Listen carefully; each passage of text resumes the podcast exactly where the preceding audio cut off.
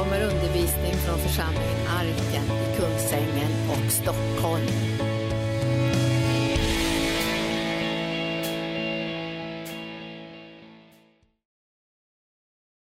Därför att eh, eh vad de känner till om honom och eh, hur de har sett honom eh, är också varierar. Det vill säga, de, är, de har inte liksom någon annan egentligen teologi. Det är bara det att de, hur, hur han ser ut i deras ögon beror på när och hur de har mött honom. Vad, vad han har fått göra i deras liv och vad du, vad, vad du har blivit välsignad av genom, genom hans gärningar. Så eh, eh, exempel på det tänkte jag liksom att läsa liksom två stycken exempel och så prata lite grann om det där. Eh, så vi ska börja i första Korintierbrevet och då vet vi liksom att då ska vi få reda på liksom eh, det exempel som Paulus har, liksom, hur han kände Herren och hur han liksom skulle presentera honom. Han är ju en av de stora liksom, eh, och kanske bland de största spridarna av evangelium så vitt man kan bedöma så här på lite distans. Eh, alltså att det verkar som om han, eh, han, nådde, han nådde längst och, och nästan nådde flest i den första liksom, generationen lärjungar. Och han var ändå en, en som kom igång lite senare än de andra.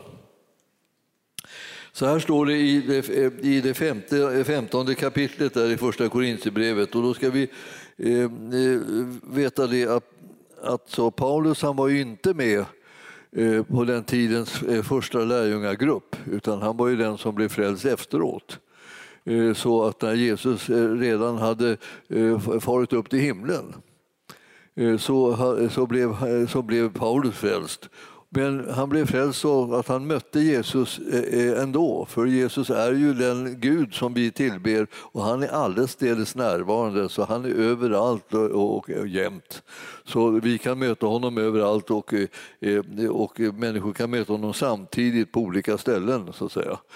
Och det där är liksom sånt där som övergår ens förstånd och det gör ingenting. Det är väldigt bra, smidigt alltså kan man säga. För då får många träffa honom liksom, alltid när de behöver så kan de få möta honom. Då säger Paulus så här eh, eh, då i det femtonde kapitlet, där första Korintierbrevet, i första versen. Bröder, jag vill påminna er om e- evangeliet som jag predikar för er och som ni tog emot och står fasta i och genom vilket ni blir frälsta. Jag vill påminna er om orden som jag förkunnade, om ni nu håller fast vid dem. Annars var det förgäves som ni kom till tro. Jag, jag meddelade er den allra viktigaste, vad jag själv hade tagit emot, att Kristus dog för våra synder enligt skrifterna att han blev begravd, att han uppstod på tredje dagen enligt skrifterna och att han visade sig för Kefas och sedan för de tolv. Och därefter så visade han sig för mer än 500 bröder på en gång av vilka de flesta ännu lever medan några är insomnade. Sedan visade han sig för Jakob och därefter för alla apostlarna. Allra sist visade han sig också för mig, eh, som är såsom så som ett ofullgånget foster. Ty jag är den ringaste av apostlarna, jag är inte värd att kallas apostel eftersom jag har förföljt Guds församling. Men genom Guds nåd är jag vad jag är och hans nåd mot mig har inte varit förgäves utan jag har arbetat mer än de alla, fast inte jag själv utan Guds nåd som har varit med mig. Vare sig det gäller mig eller de andra så förkunnar vi detta och eh, detta, det är detta som ni har kommit till tro på. Så där liksom var hans vittnesbörd. Och eh, då, då, skulle han tala om någonting som han egentligen inte hade varit närvarande i. Det vill säga eh, hur det egentligen var med Jesu eh, liv, hans, hans, hans död och hans uppståndelse. Och Paulus han var, han var inte med där. Men han var med när han mötte Jesus på vägen till Damaskus. Och eh, då blev hela hans liv, han som var en förföljare, blev så förvandlat att han blev en efterföljare istället, en som eh, skulle vara en Jesu lärjunge. Och han var det radikalt över hela världen. Och han hade en enorm framgång med att föra ut eh, evangelium och han var fullkomligt att säga, utan fruktan. Alltså. Han, eh, han drogs inför rätta på alla möjliga sätt. Han fängslades, han, han plågades, han, han, han, han torterades och, och allt så här. Men han gick inte att hejda. Och eh, det här var, det här var någonting som, där, som han hade också lärt sig liksom från de första eh, lärjungarna när han besökte dem sent omsider så att säga, i Jerusalem efter det att han hade varit lärt känna Herren Jesus. Så eh, om, om en, honom så hörs det ibland och sägs så här att Paulus, ja, var fick han sin undervisning från? Ja, Paulus han, han har suttit vid Gamaliels fötter, det vill säga den mest berömda judiska läraren på den där tiden. Där har han suttit. Men du vet att det är egentligen liksom en liten bagatell. För Paulus han har suttit vid Jesu fötter.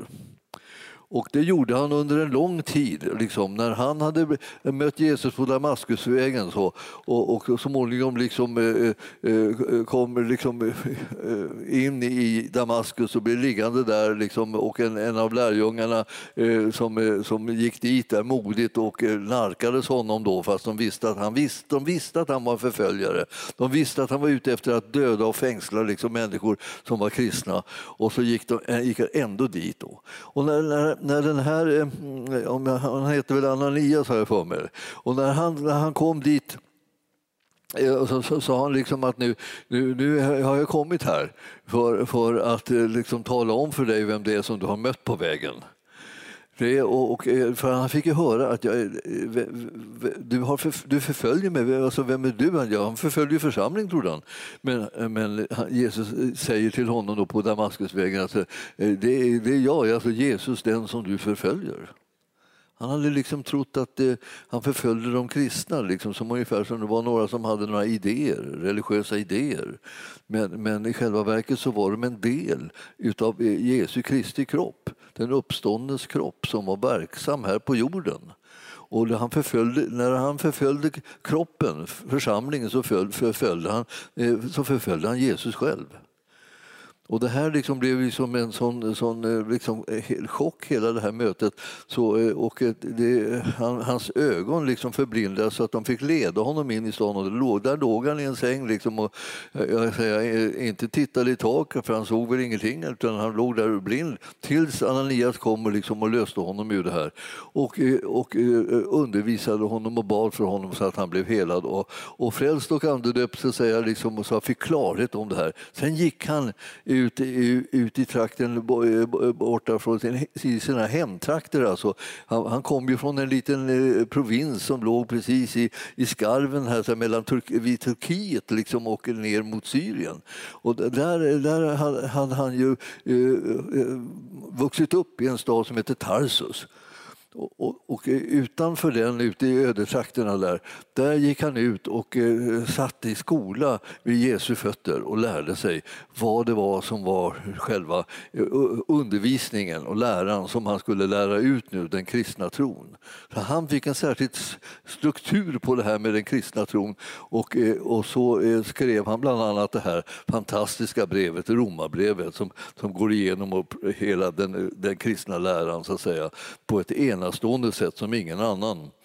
Men han var ju inte den enda personen som hade mött Jesus som uppstånden utan det var ju från början var det ju de närmaste lärjungarna och, och, och alla de här som hade suttit och, och, liksom och, och, väntat på att han skulle uppstå, att det skulle bli någonting, någon fortsättning. De visste inte vad de skulle tänka, hur det skulle kunna bli det som han hade talat om utan de var ju förvånade över liksom hur, hur, hur det hela blev som, att det blev som förskräckligt liksom slut på det hela. Som de, ja, han dog och, och på det hemskaste sätt. Och de var, blev jätterädda alla lärjungarna och gömde sig och hade sig på olika sätt ända fram till pingstdagen då, då anden föll. Det här står det i, i den här, eh, det här vittnesbördet om, om Jesu Kristi uppståndelse att jag har predikat eh, eh, för er så här. Jag vill påminna er om det här nu då, ni som bor i Korint, hur jag predikar från, eh, när jag kom och besökte er. Så var det mitt budskap det, att han, han hade kommit till den här världen och, och han hade gett sitt liv och dödats på korset. Och, det, och det, det är viktigt alltså att ni förstår att det var för er skull. Och han blev begraven, och det var för er skull och han uppstod igen och det var för er skull. För att ni skulle veta att ni var försonade med Gud. Det, det, det absolut yttersta straffet för all synd har alltid varit döden. Och Jesus gick i döden så att vi slapp gå i döden och vi kunde bli försonade med Gud eh, fastän eh, eh, det var han som gjorde den liksom försoningsgärningen. Och han trädde in emellan oss och, och synden så att vi inte längre behövde dö för synd utan kunde få förlåtelse och försoning. Det här var så enastående och när Paulus eh, håller på att tala om det här att eh, han uppstod på tredje dagen enligt skrifterna så är det hela tiden så här, vad är det som är, eh, som är garanten för att det här var rätt och sant. Ja, för Paulus som levde efter det här hade hänt så var det skrifterna som hade vittnat om det. Om de skrifter som hade vittnat om det, det var inte evangelierna utan det var de profetiska orden. Därför att evangelierna var ännu inte skrivna. Och då står det sen i, i vers 6 där att eh, han, Jesus som uppstånden visade sig för Kefas och sedan för de tolv. Och därefter så visade han sig för mer än 500 bröder på en gång av vilka de flesta ännu lever medan några är insomnade. Ja, ni förstår att det här var det mest irriterande som man kunde tänka sig. När, när, när vi kommer in på 1800-talet då började man liksom, eh, som en svit ifrån upplysningstiden då började man liksom, eh, misstänkliggöra eh, bibelordet san, eh, för san, att det inte var sanning utan att det var liksom bara påhitt på något vis.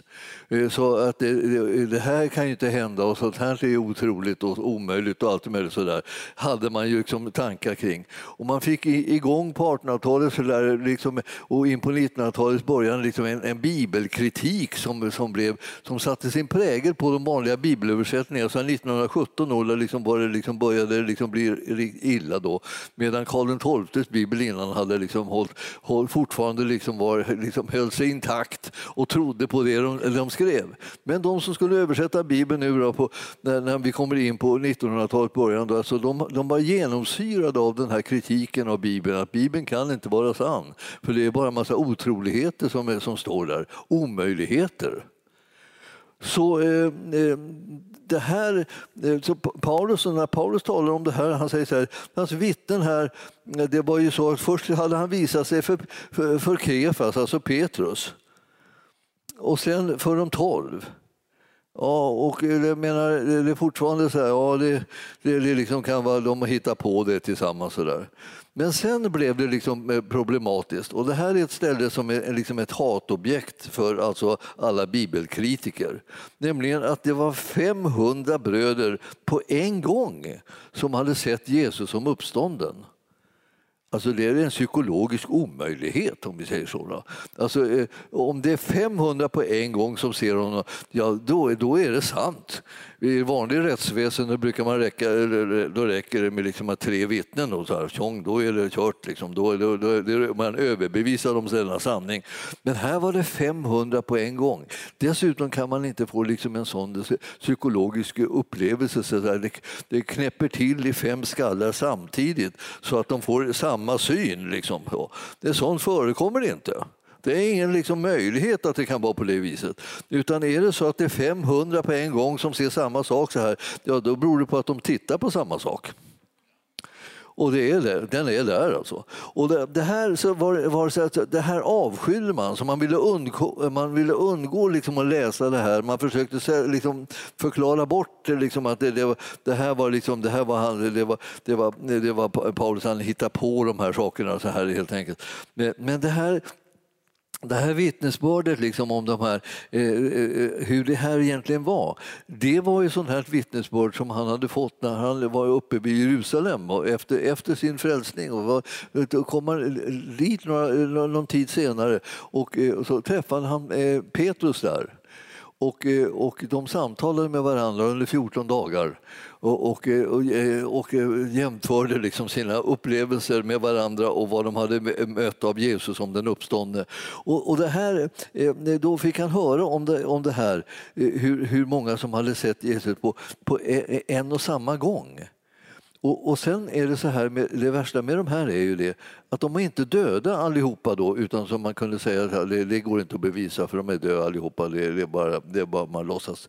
Utan de flesta lever ännu, säger han. Och det, vad betyder det? Ja, det betyder, gå, du kan gå och fråga dem. Vill du veta vilka de var? Du kan, så kan du få eh, deras adress så att säga. Och så går du dit och så frågar de var du med och såg liksom, Jesus? Ja, ja, det här hänvisar man till som, att det, som om det, man pratar om det här precis som om det var verkligt. Man ger de vanliga liksom, vittnesbörden om att det här är verkligt. De finns fortfarande, de lever fortfarande. Gå och prata med dem får du höra eh, hur många av dem så att säga, de, Det fanns några stycken som var insomnade, men de flesta lever fortfarande. Så man kunde fråga dem. Ja, det, här, det här tyckte man ju väldigt illa om liksom, när man ville bara eh, liksom, avvisa det här som att det var någon hallucination av något slag. Så att Det var, så att folk fanns fortfarande liksom, och har varit med om ett, en och samma sak så här, samtidigt. Då. Sen visade han sig för Jakob också och därefter för alla apostlarna eh, tillsammans. Och det läser vi ju i evangelierna slut, liksom hur Jesus eh, dyker upp där och visar sig för dem. Och allra sist så visar han sig också för mig som är eh, ett, ett ofullgånget foster. Det vill säga, jag är, jag är ett, en absolut katastrof i jämförelse med de här heliga som hade följt Jesus och, och varit hans lärjungar och varit med och lärt sig från honom. Men jag som har bara förföljt Guds församling, jag är ju, jag är ju liksom bedrövlig i, i jämförelse.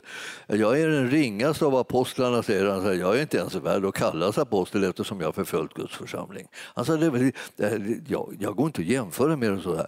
Men genom Guds nåd så är jag vad jag är. Och hans nåd mot mig har inte varit förgäves utan jag har arbetat mer än de alla, eh, fast inte jag själv, utan Guds nåd som har varit med mig. Alltså han säger så här att jag har varit eh, liksom ett, eh, någon som Gud har kunnat använda därför att han, han visat mig nåd. Så det är väl liksom, jag har inte bara så här att jag håller på att jämföra mig liksom med om, om jag har varit med och jag har varit lärjunge till Jesus längst eh, liksom, eh, innan och jag har följt honom under alla de år som han var i tjänst och, så här, och, eh, och, och sett alla undren själv och varit, sett dem och tittat på vad som hände när Jesus gick fram och, och, och fantastiska liksom, massmöten och fantastiska enskilda möten och när Jesus uppväckte människor från de döda och alltihopa det här. Eh, jag, jag var inte med. Men han har visat mig nåd, så han har använt mig så att jag har eh, liksom kunnat arbeta och tjäna honom och föra ut evangelium för fullt. Och vi är liksom i, liksom i, i de här fotspåren som han är.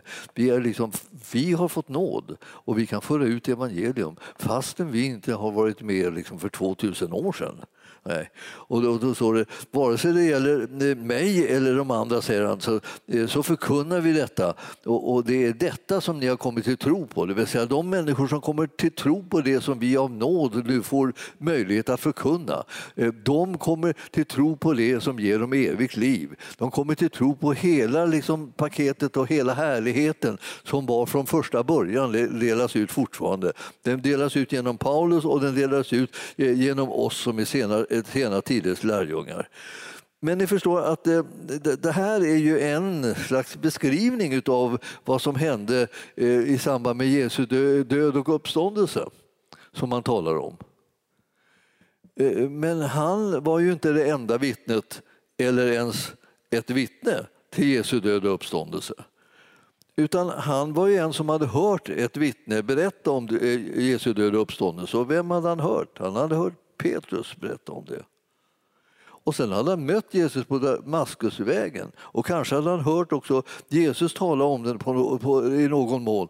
Men ni förstår, eh, när man tittar på till exempel eh, de som var med då, då, de som var där och, och vid graven, tomma graven och det här, då ser man ju andra personer och de berättar inte riktigt likadant.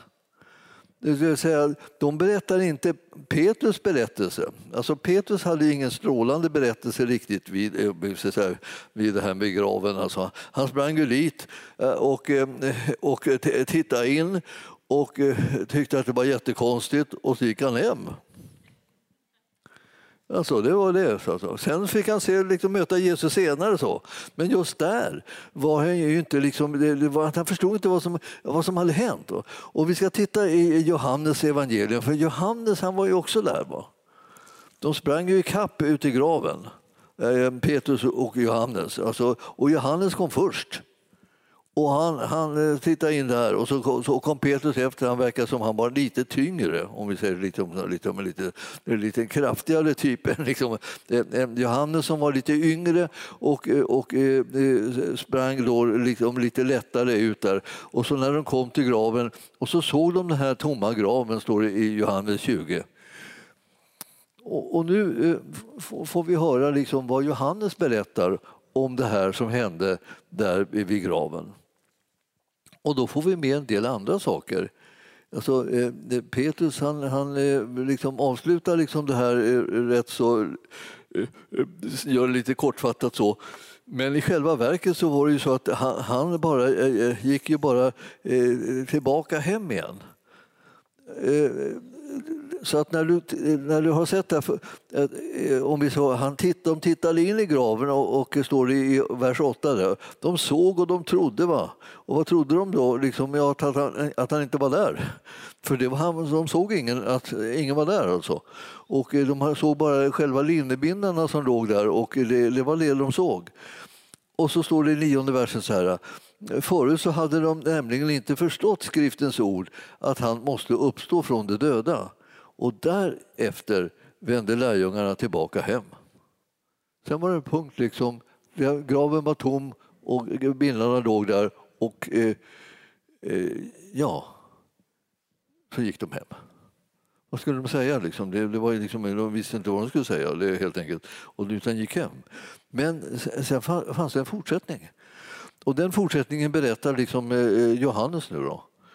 För han säger han var väl den som var på något sätt inte riktigt eh, förstod vad det var som man eh, eh, skulle liksom hoppa över. Liksom. Petrus, Petrus liksom, eh, visste liksom att det, det, det, blir inte så jätteuppskattat liksom, att berätta alla detaljerna utan vi, vi, vi hoppar över. Liksom. Vi, säger, vi var där, vi tittade, han var inte där liksom, och eh, vi tänkte då att eh, kanske han var uppstånden för det lärde de ju sen att han var. Eh, och så. Men det här eh, står det sen, eh, Maria stod utanför graven och grät så, när de hade gått. Då, då. Och medan hon stod där och grät så lutade hon sig in i graven och då fick hon se två änglar i vita kläder sitta där Jesu kropp hade legat. Och den ene satt vid huvudets plats och den andra vid fötternas. Och, och eh, de sa till henne, kvinna varför gråter du? Och hon svarade, de har tagit bort min herre och jag vet inte var de har lagt honom. Så de satte, satte igång ett samtal där bara som liksom, eh, utan att hon tänkte sig för vem hon pratade med. Det är så ofta sådana saker som händer när man, när man blir överraskad. Man, man tänker inte igenom det utan det är bara man bara är med om det tills man i efterhand tänker tillbaka på det. Och I 14 versen står det, och när hon hade sagt det så, så vände hon sig om och så fick hon se Jesus stå där. Men hon förstod inte att det var han. Och, eh, och Jesus sa till henne, kvinna varför gråter du, vem söker du? Och hon trodde det var trädgårdsmästaren och, och sa till honom så här, Herre, om det är du som har fört bort honom så säg mig var du har lagt honom så att jag kan hämta honom. Och Jesus sa till henne, Maria, sa han. Då, då vände hon sig eh, om och sa till honom på hebreiska, Rabuni. Det betyder alltså lärare. Det vill säga det, det, det var det uttryck, det, det ord som man använde när man var en lärjunge till sin mästare, sin lärare och mästare. Och hon var en av hans lärjungar. Och det där är ju liksom sånt där som, eh, som man har svårt att, svälta, att smälta än idag.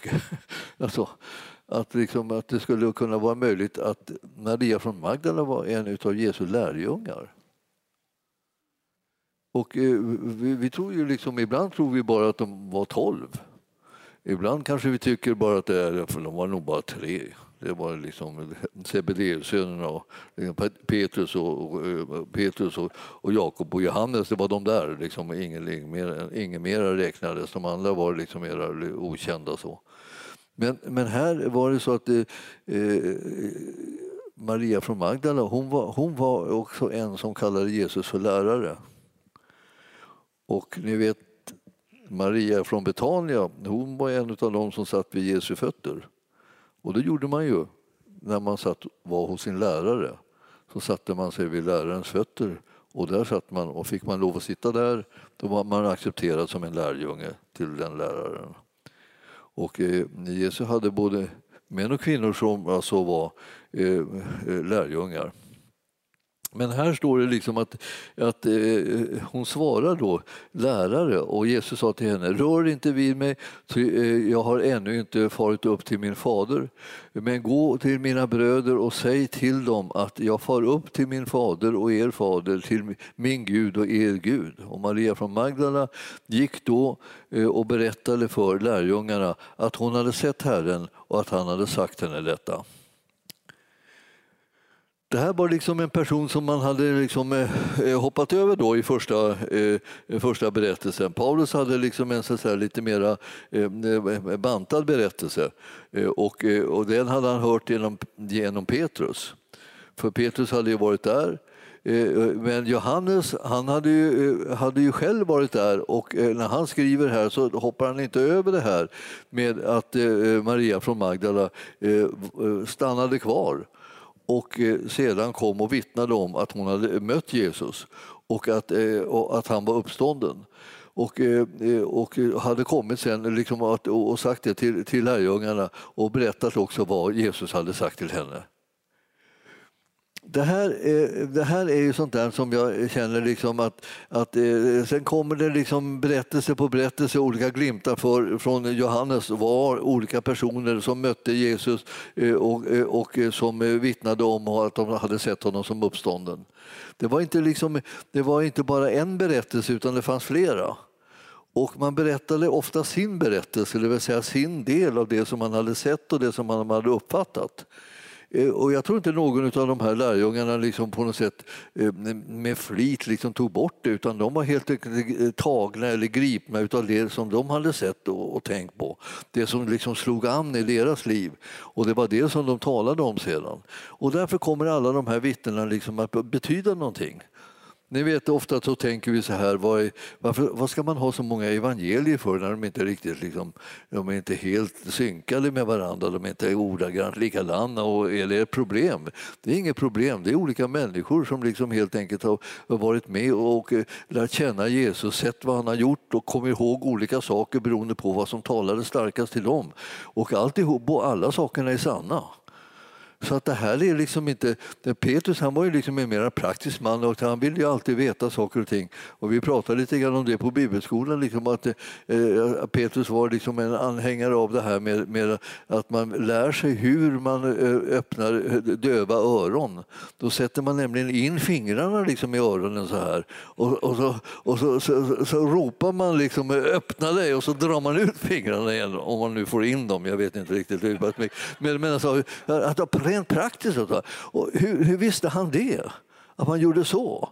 Ja, man, då brukar man säga så här att ja, när man avbildar Jesus där, där han, där han botar den här mannen som är liksom döv, så, så, eh, så ser man hur han har fingrarna så här. Han lutar sig över mannen och så tar han in så här fingrarna så här och så, och så, och så ska han eh, tala till öronen nu att de ska öppna sig. Och, så på, och över, över axeln på Jesus eh, dyker Petrus ansikte upp och, och kollar så här, liksom, hur man gör det här. Liksom, för att han, ska, han vill se liksom, hur det går till. Och så, och så öppna dig! Ja! Och mannen studsar till liksom, över det starka ljudet då, för han har aldrig hört på maken. Liksom. Men, men ni förstår att det, här, det fanns olika liksom, sätt att om, liksom, skildra det. Liksom. Vad var det som var viktigt för För, för Petrus var det viktigt.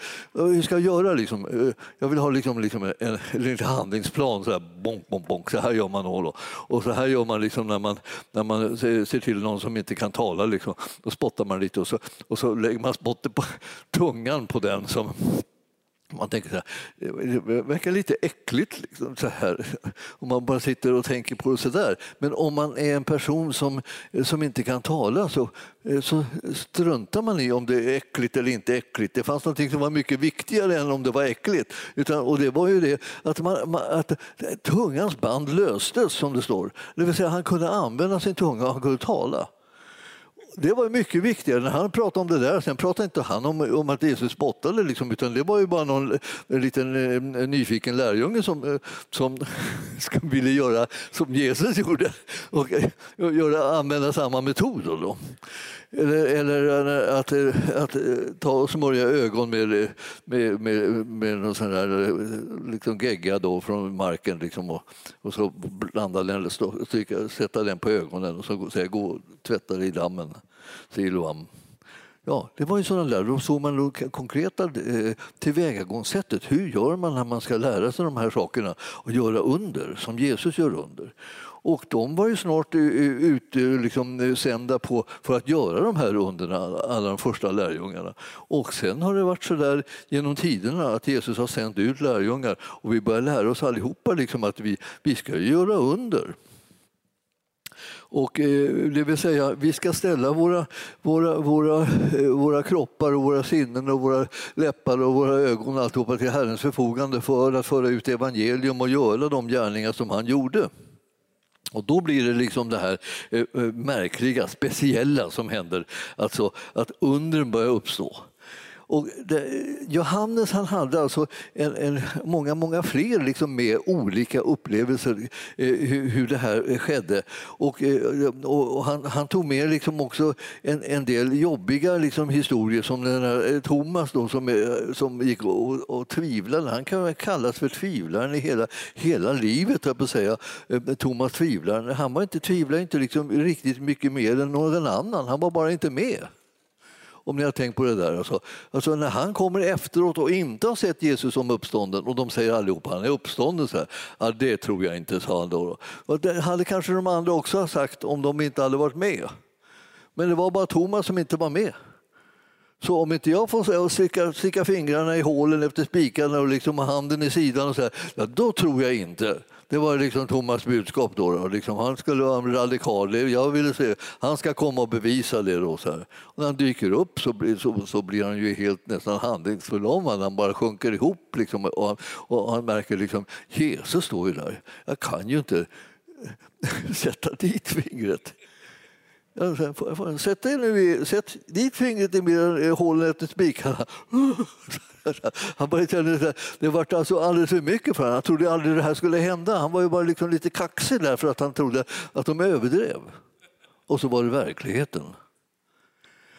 Ni vet att vi behöver vad ska jag säga, alla de evangeliernas vittnesbörd. Vi behöver de olika lärjungarnas vittnesbörd. Vi, det, det, ena, de är lite olika de här. Jag, vid ett tillfälle i livet så liksom gjorde jag det här att jag läste de här frenetiskt liksom, i sträck. Om och om och om igen liksom, läste jag alla fyra evangelierna. Eh, och när jag hade kört några varv där då, då, kände jag på mig eh, eh, vilket evangelium jag läste i. Alltså, Eh, om jag fick bara liksom ett, eh, ett vers eller någonting sådär, så, så hade jag läst det så många gånger så att jag märkt att ja, här blir, han, han talar så här och han talar så här och han talar så där. Så till slut så visste jag liksom, ja, jaha, ja, just det, det är han och det här. Och nästan alla vi vet som är lite bibelläsare vad som är typiskt Johannes. Alltså, typiskt Johannes, det är nästan det första som man liksom fångar upp.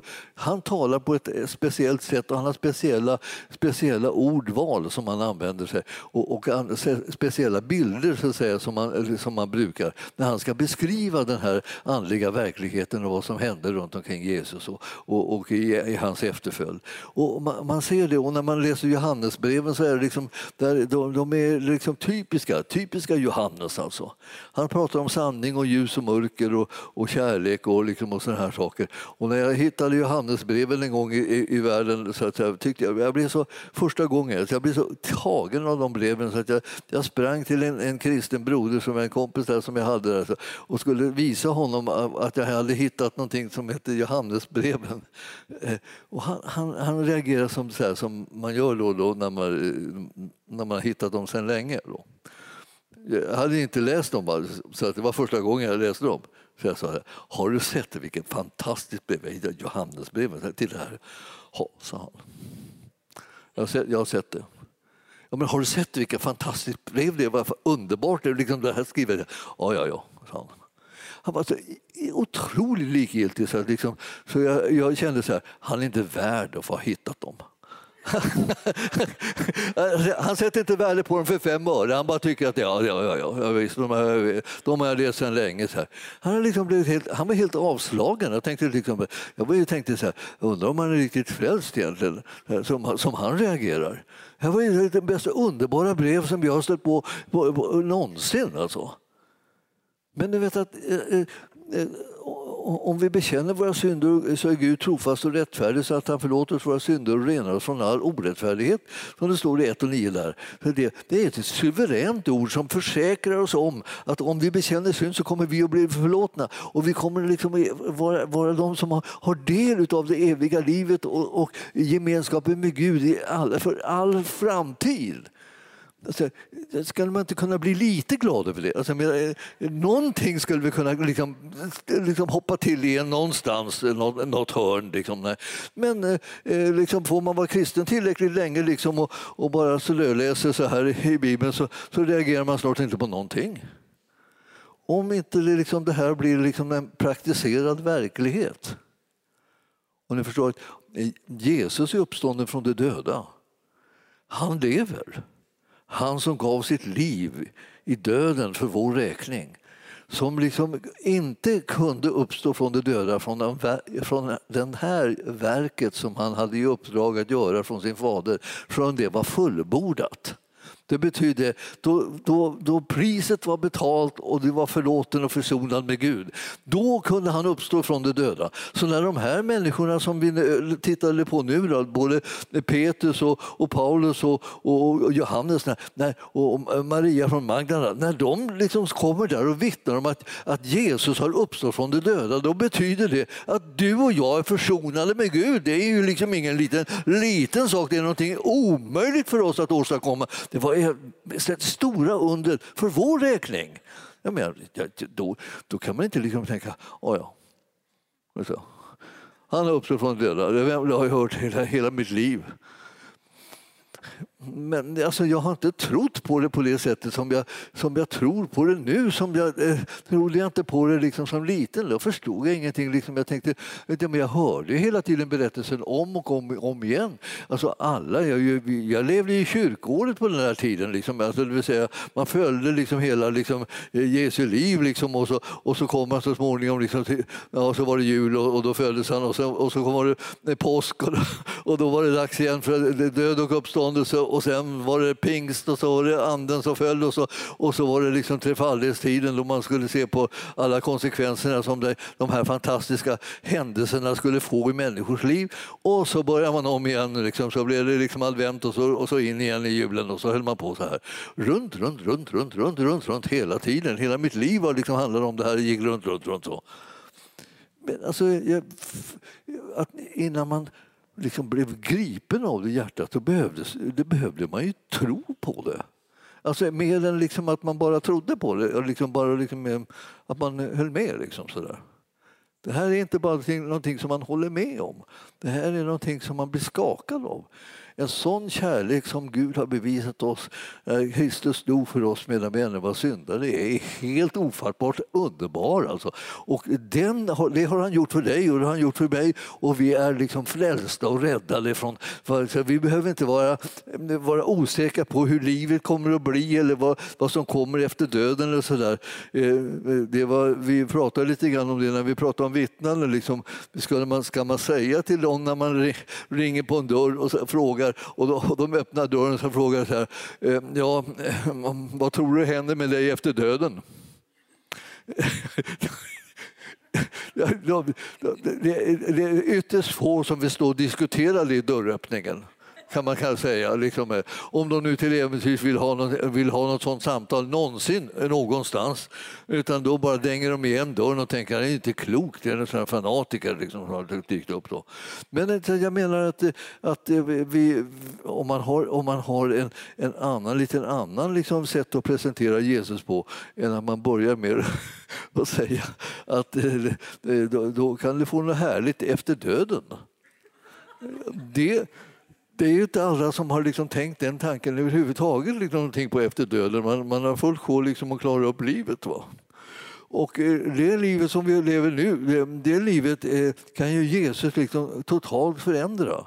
Så att fasten, man, man tycker liksom att, att allting har inte alls rättat sig efter det som jag hade planerat och tänkt och önskat och, och bett och, och, och, och, och sådär. Så kommer det att när, när, när Jesus griper in i det här livet så, så förändras mitt liv så, så att jag, jag behöver inte de här typen av bönesvar som jag hade förut när jag bara radade upp alla, alla mina önskningar och alla, alla själviska begär i högar. Och, så, och, och sen känner jag mig lite irriterad på att Gud inte hörde bön.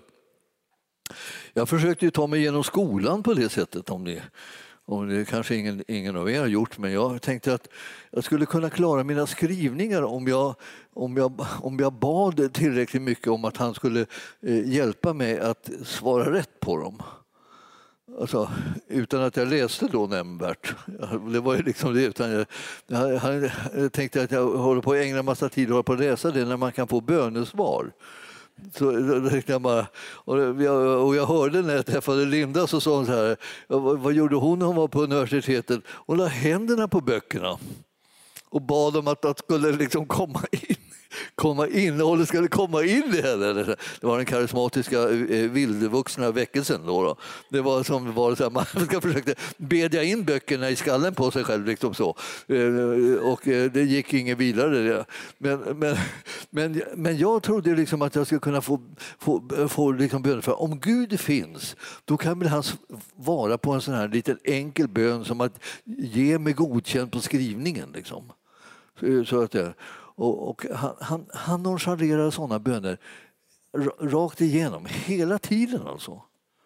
Så att det, det, det, vi, vi, fick, vi, vi fick verkliga problem i vår relation. Alltså, han och jag, vi, det blev spänt alltså. Jag bad, jag bad, jag bad och jag bad för att, liksom, att jag skulle klara olika skrivningar som jag liksom inte läste på. Alltså. Och, och jag klarade dem inte. Ja, till slut så började jag liksom hota honom. Liksom så. Eh, så, och, och sa att om du inte, om du inte liksom hjälper mig med det här då, slutar jag be till dig. Och det, och det, och det, han hjälpte mig inte ändå. Då.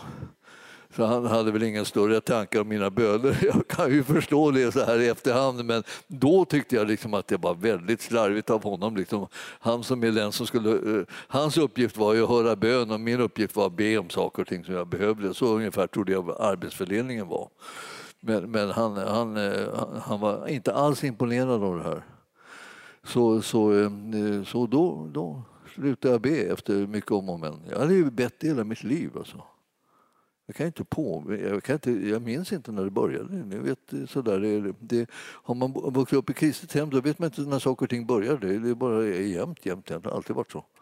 Och alla, alla bad och, och, och sådär. Och det var eh, för jämnan på det viset. Och så, så, så märkte jag, sen vill han inte höra mina böner. Så då försökte jag sluta och det tog lång tid innan jag lyckades. Men när jag, när jag sen skulle börja igen då började jag en, en hälsosam, eh, en hälsosam väg. Alltså. Och jag vill säga till liksom, den är liksom, jag rekommenderar den jämt för att jag tänker att det, det var det bästa jag gjort. Alltså. Jag, jag slutade be sådana här tiggeriböner. Liksom, liksom. Fixa det, fixa det, fixa det här. Liksom. Utan jag började tacka honom för vad han hade gjort. Alltså, jag tackar honom för det här som hade att göra med liksom, hans stora gärning liksom, för mig. Det som gjorde att jag var, blev liksom ett Guds barn och kunde vara trygg i den här världen och i det här livet. och så. Han som gjorde liksom, att jag kunde få syndernas förlåtelse och slippa gå omkring och ha magknip och orolig för saker och ting. Han som gjorde, eh, gjorde de här sakerna som gjorde att jag behövde aldrig mera vara rädd. Alltså det var det Va? som de, de där gärningarna. Jag tackade och prisade honom för det. Alltså. Att till slut så blev jag så otroligt lycklig av att jag hade en sån frälsare. Jag började gråta liksom, alltså, av, av, av bara tacksamhet. Alltså, jag, trodde inte, jag var inte liksom en, en, en gråtare direkt. Jag har aldrig varit riktigt sån, utom då. Då blev jag en i kubik alltså. När jag plötsligt fick uppenbarelse, vilken underbart god Gud jag hade i Jesus. Alltså vilken frälsare, vilken vän, vilken härlig gärning som han hade gjort för min räkning. Alltså, då, skvalade tårarna bara på mig. Jag tänkte, och jag blev som liksom, jag gick omkring som ett litet rus eh, och bara, bara tacka och prisa Gud. Därför att jag plötsligt fick upp ögonen för det som var den verkliga sanningen och det som betydde någonting istället för att hålla på och försöka pusha för mina liksom, själviska begär av olika slag. Att fixa det här, fixa det där, ge mig det, ge mig det och ge mig det. Det är faktiskt inte någon särskild höjd på de bönerna. Man, man, det finns andra böner som, är, som lyfter en mycket högre, som gör en mycket lyckligare och mycket gladare och som, som lösgör en ifrån fruktan så man vågar göra det som är Herrens vilja istället för att bara gå omkring och vara rädd för vad människor ska tycka. Det finns ju mycket människor som tycker att människor behöver inte bry sig om ett dugg. Man, man bara bryr sig om vad Herren tycker så man kan säga det som är hans vilja eh, i de olika situationerna man kommer i. Här hade vi liksom människor som liksom vågade, vågade vittna. En del liksom ville eh, inte vittna så snabbt. Eh, det verkar som att Petrus han tog det liksom lite sakteliga. Så han sprang inte tillbaka och sa liksom, jag, jag var och tittade där in i graven, eh, jag hittade ingen. Ja, vad, vad, vad har han gjort av honom? Ja, jag vet ingenting. Han ville ju inte vara sån som inte visste någonting. Han ville ju gärna vara någon som visste liksom, svar på tal och sådär. Han kunde liksom förklara sakerna. Så det, det, det, han tog inte upp de, alla de här sakerna runt omkring då. Att, eh, men, men Johannes han gjorde det. Han sa så här är det.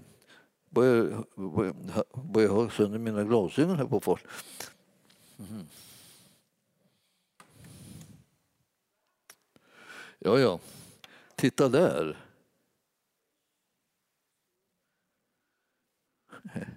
Denna lilla skruv.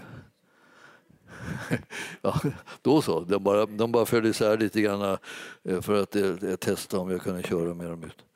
Ja, det, det, går, det går ändå. Den där kan jag stoppa här så länge. Då. Eh, och den stoppar vi där. Hoppas jag. Det var, de där skruvarna är ganska små nu. Det är som, nästan som en... Man måste blöta. Fick, och jag fick ner den där. Ja. Eh, om det är någon som har uppgift att dammsuga, dammsug inte just där. Utan vänta tills jag kommer hem och försöker se om jag, om jag möjligen har den här i fickan eller om den är någon annanstans. Den kanske trillade åt något annat håll. Den, är, den var ju så liten så att det var bara en liten prick. Mm, ja. Nåväl.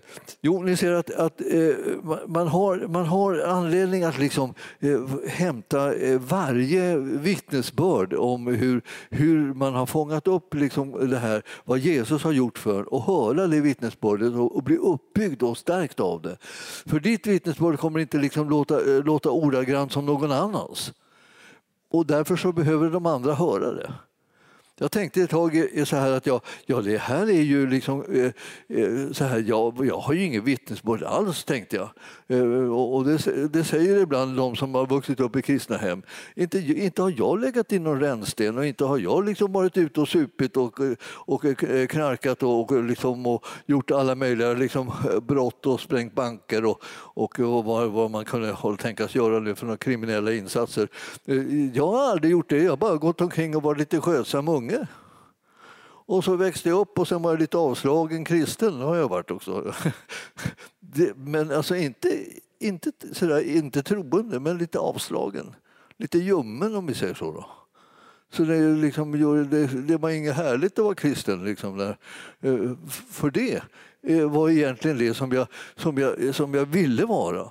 Men så hade jag liksom väldig hjälp av vittnesbörd från människor runt omkring mig. Och jag skulle vilja rekommendera, rekommendera jag på säga, eh, eh, min farmor. Hon var missionär i Kina och så, i hela livet. Och, då, och hon, hon skrev några liksom, eh, böcker. Hon hette Dagny Bergling. Hon skrev några böcker om, om eh, minnen. Eh, eh, minnen tror jag de bara hette, eller minnen från Kina, men Ragnhild Bergling heter hon. Och, så. och nu, nu, vet jag inte hur man hittar de böckerna, men de finns kanske på något egendomligt udda antikvariat eller någonting sånt där. Eller min fasters böcker så liksom på, så på, på hemligt uppdrag, hette det. Och hon, var, hon var också missionär i Kina.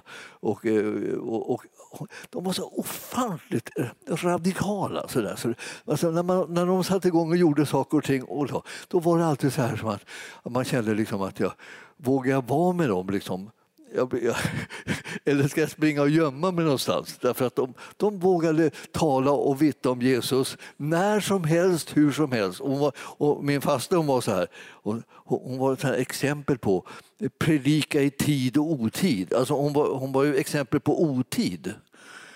Alltså, när alla andra fattade att nu är det inte dags att predika, nu, nu, nu liksom lägger vi ner det, liksom, nu är vi liksom bara umgås vi och är liksom lite neutrala. Så här. Då reser sig alltid min faster upp och så, jag ska väl bara säga någonting om Jesus, säger hon då. Så här.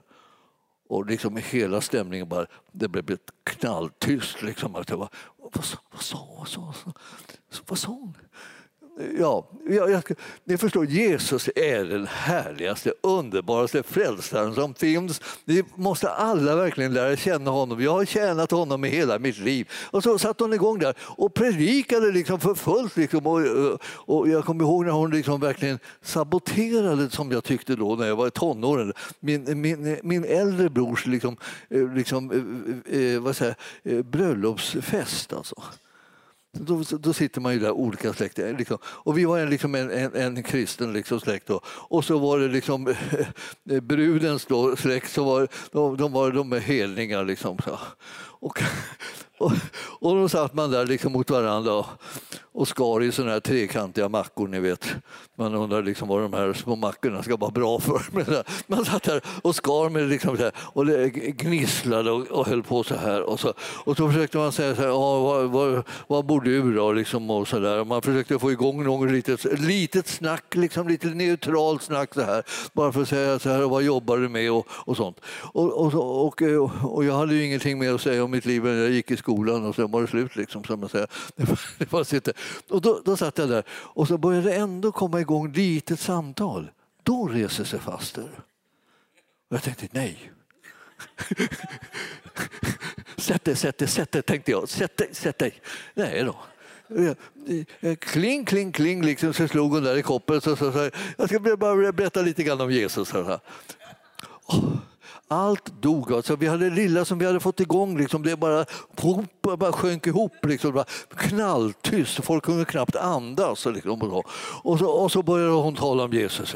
Och då tänkte jag, hur, hur, hur, hur kan hon bara vara så okänslig? tänkte jag. Hon är den mest okänsliga personen. Jag känner liksom att... Fattar inte hon att folk vill inte att hon ska predika nu? Vi är här för att ha någon slags trevlig fest, även om det är liksom lite knepigt. Det är det som är målet och så ska hon hålla på. Och så. Men, men, men och sen när hon var färdig och satte sig ner, sen var det så tyst att man trodde nästan inte att det var tillåtet att andas ens en gång. Så, så, så, och då, och, och då började vi då så här, äh, skära i de där mackorna igen. Då. Och då hörde man liksom de här kniven och gaffeln. Alla satt där och grejade så här. Och det var ju så otroligt pressat. Va? Och jag kände att oh, varför har jag en sån här faste? Varför ska hon göra så här? Liksom? Och min brorsa han var inte liksom mer så här fromma slaget heller precis. Så han, han var nog eh, eh, rätt liksom spänd. Han satt och, och, jag tänkte, det här var ju liksom hans fest, hon skulle ju tänka på det då. Men det tänkte inte hon på. Hon tänkte på Jesus. Hon tyckte att nu har vi suttit här en lång stund och inte pratat om Jesus. Nu är det hög tid. Och, då, och så satte hon igång. Va? Och jag tänkte, så här, eh, jag tänkte ja. Och så kom vi tog oss igenom den här festen i alla fall. Det var ju, den, var, den var ju jobbig alltså. Och eh, eh, sen efter några dagar så träffade jag henne igen så, och, och då verkade hon så väldigt uppåt. Så jag, jag, verkar du glad fast? Så jag. Ja, du förstår, det är fantastiskt. Människorna ringer till mig, människorna skriver brev, de vill träffa mig, prata om Jesus. Liksom så. Va? Så jag, det kan inte vara möjligt. Liksom. Det var ju liksom värsta liksom pannkakan liksom det här, med, med, med det här med ditt tal och det här. Nej, du förstår, det, har kommit, och de har kommit till mig och jag, och jag har träffat dem och jag, och jag ska iväg till andra så här och berätta om Jesus till dem. För de, hade ju, de, för dem var det så här att de hade aldrig stött på någon som liksom pratade om Jesus. Det, det, det, säger jag liksom till eh, min egen skam. Då, alltså. Alltså, här går man omkring och så eh, finns det människor runt omkring som aldrig har träffat någon som kan säga någonting om Jesus egentligen, som känner honom eller som vet någonting om honom. Och så, sitter, och så vet jag, och så vet du och så vet vi allihopa liksom någonting om. Ja, eh, jag, jag, i, i, I tysthet gjorde jag bättring jag vill inte, jag vill inte erkänna för henne liksom hur jag hade reagerat för det. Jag hade gjort henne ledsen. Va? Så jag, jag, jag sa ingenting, men jag, jag, sa Jesus, förlåt mig. Jag, jag skäms för dig på det här sättet. Jag tänker mig, eh, en vacker dag kommer jag bli lika eh, modig som faster. Jag är inte där än riktigt, men hon, för hon var radikal. Men, hon, men jag, är liksom, jag är på väg.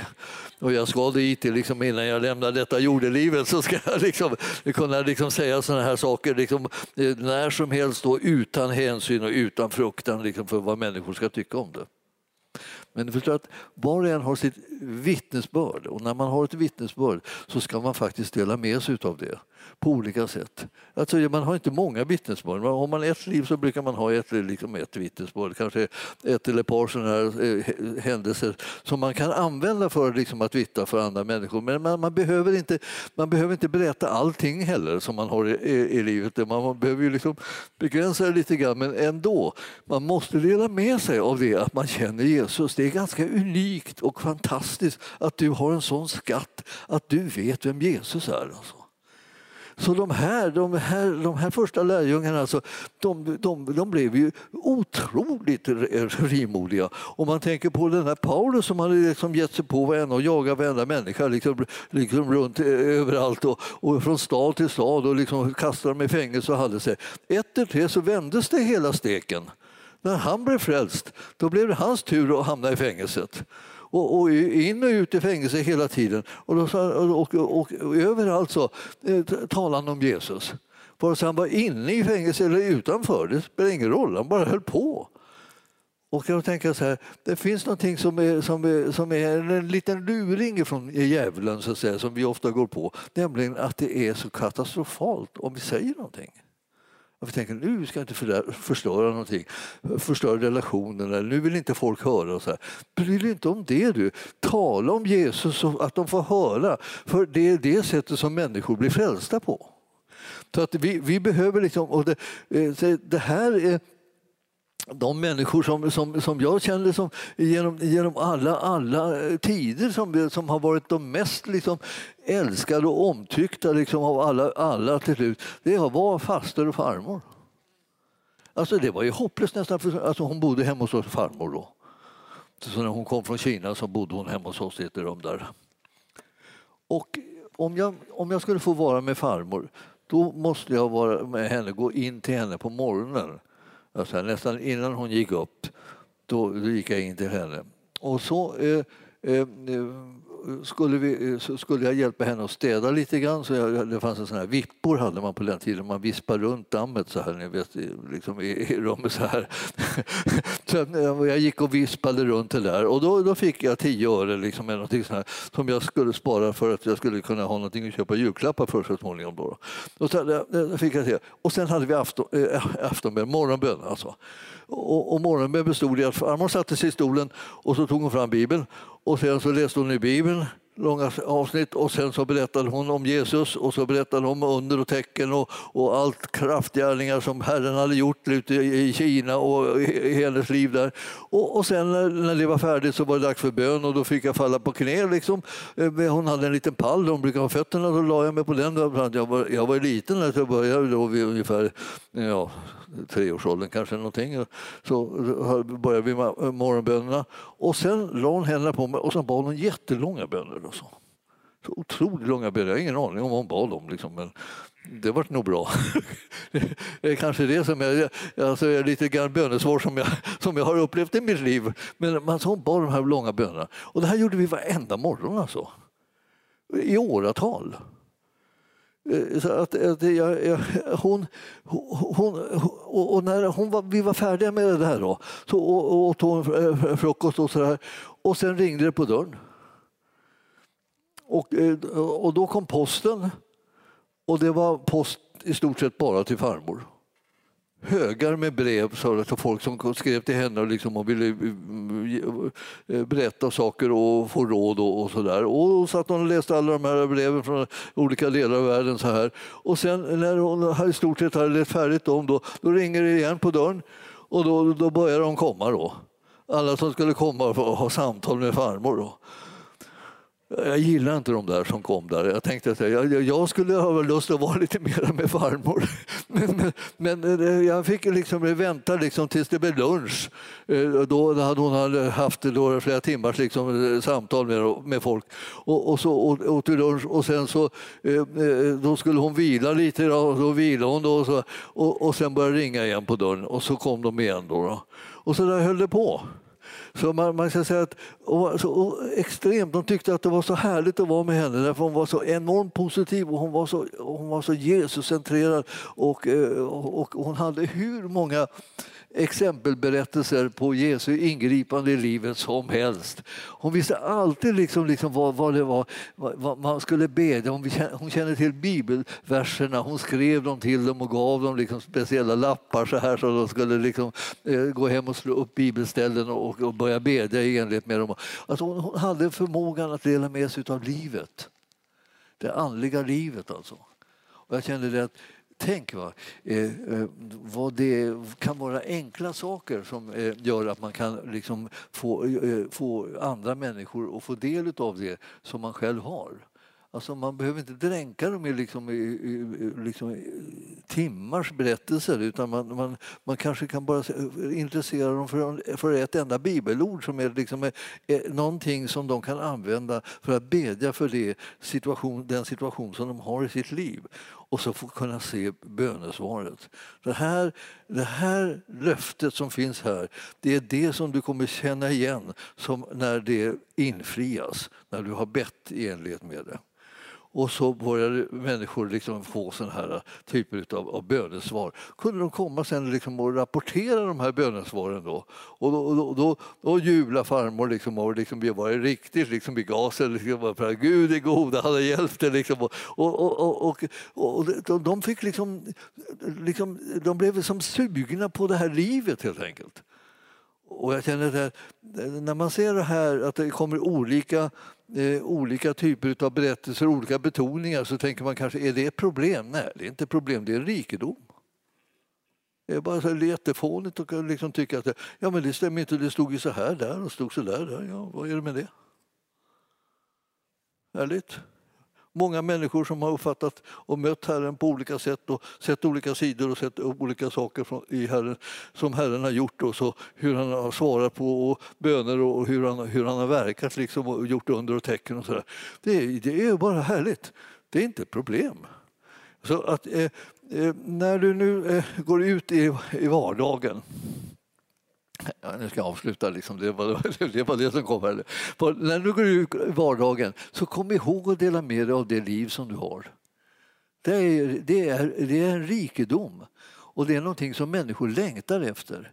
Och, och, och var inte rädd för liksom att, de, att de inte vet vad de ska säga. Jag, jag, jag, ett tag så kom folk till mig och, liksom, och sa så här, eh, eh, när de fick reda på att jag var pastor. Ja, eh, jag sa, och eh, vad tycker du om Knutby? sa de då. Alltså ja, när jag hörde det där Knutby, det var ju liksom den där församlingen som liksom fick riktigt liksom, eh, eh, trassel liksom, och, och, eh, svårigheter med, med, med, och det blev brottslighet och allt möjligt otäckt i den församlingen. Men, och när jag hörde det här, vad, vad tycker du om Knutby? Då trodde jag att de ville mucka gräl med mig först. För att då ville bara dra upp någonting otrevligt och då skulle jag försöka försvara liksom vad man gjorde i Knutby. Men så kom jag på så här, vad, vad ska man göra om man är en icke troende och gärna vill ha igång ett andligt samtal? Man vet ingenting. Det enda som man känner till är liksom att man hade läst i tidningen att det var något trassel i Knutby. Så man säger liksom, vad säger du om Knutby då? Ja, vill du veta eh, någonting om Jesus? Började jag fråga då. Ja, ja, ja, just det. Just det. Vad, vad, vad säger du om det här? Ja, och då började jag berätta om Jesus. Jag, jag brydde mig inte om att prata om Knutby. Vad, vad vet jag om Knutby? Eh, ingenting. Alltså, men jag vet någonting om Jesus och jag gissade, började gissa på att de ville prata om Jesus. Det var det som gjorde att, eh, hur får man igång ett sånt samtal? Förr sa de alltid, ja, och hur blir det med korstågen då? då? sa de då. då. Och då skulle man försvara korstågen trodde man. Men i själva verket ville de bara få igång ett andligt samtal. Va? Man var så, man var så fixerad vid att, liksom, att de ville en illa, de ville attackera mig liksom där och börja prata om korstågen och jag ska försvara korstågen i medeltid. Hur ska det gå till? Liksom? Jag tyckte att det var inte klokt. Eh, men, men, men jag menar, eh, det var Jesus som ville tala. När jag började ana det så liksom, och inte längre var rädd så kunde jag liksom lyssna till vad vill de här egentligen? Varför, vad är det? Ja, är, är, ibland så frågar jag sig, alltså, är du historiskt intresserad eller? Nej, nej inte direkt. Då. Jaha, då. Vad, vad, tänker du, vad tänker du själv om korstågen? Ja, det kan väl inte vara rätt? Nej, det har du rätt i. Så. Vi är inte kallade att liksom skaffa oss massa vapen och slå ihjäl dem som är motståndare till oss. Vi kallar att vinna dem eh, så att de blir frälsta. Vet du hur man blir frälst? Så man kan liksom plötsligt ha ett bra samtal fastän man startar i korstågen. Ja, om man inte blir nervös liksom, så kan man få till någonting. Så tro inte att folk vill en illa, de vet inte hur de ska få igång det. Eh, det är inte så lätt när de inte har gått på någon kurs. och nu för tiden har ju folk inte ens konfirmerat sig liksom, så att de har ju liksom nästan ingenting som de kan liksom eh, anknyta till. Liksom, så. Eller, eh, eller, om de, eller om de säger att eh, plötsligt mitt i sommaren så säger de ja, jag, jag, jag, jag, jag tänkte säga bara att jag, jag har faktiskt varit eh, i julottan, säger de. Och då kan man tänka, har du varit i, har du varit i julottan? Det, det är juli, det är, det är inte... Ja. Nej, men de har varit i julottan. De ville bara prata lite om andliga ting. Var beredd på att prata om andliga ting så att du lyssnar liksom tillräckligt för att kunna fånga upp när det är frågan om det och inte blir ängslig och börjar försvara det och hålla på och bråka när det är ingen som bråkar med dig. Det är bara någon som undrar hur det är med Jesus. Himmelske Fader, vi tackar för ditt ord. Vi tackar för att du är här och du använder oss och du vårt vittnesbörd också kan bli till välsignelse för människor. Och vi ber Herre att vi ska få vara sådana som är känsliga för vad människor frågar efter och vad människor söker så att vi kan dela med oss av den rikedom som du har lagt ner i våra egna liv. Ren nåd i Jesu namn. Amen.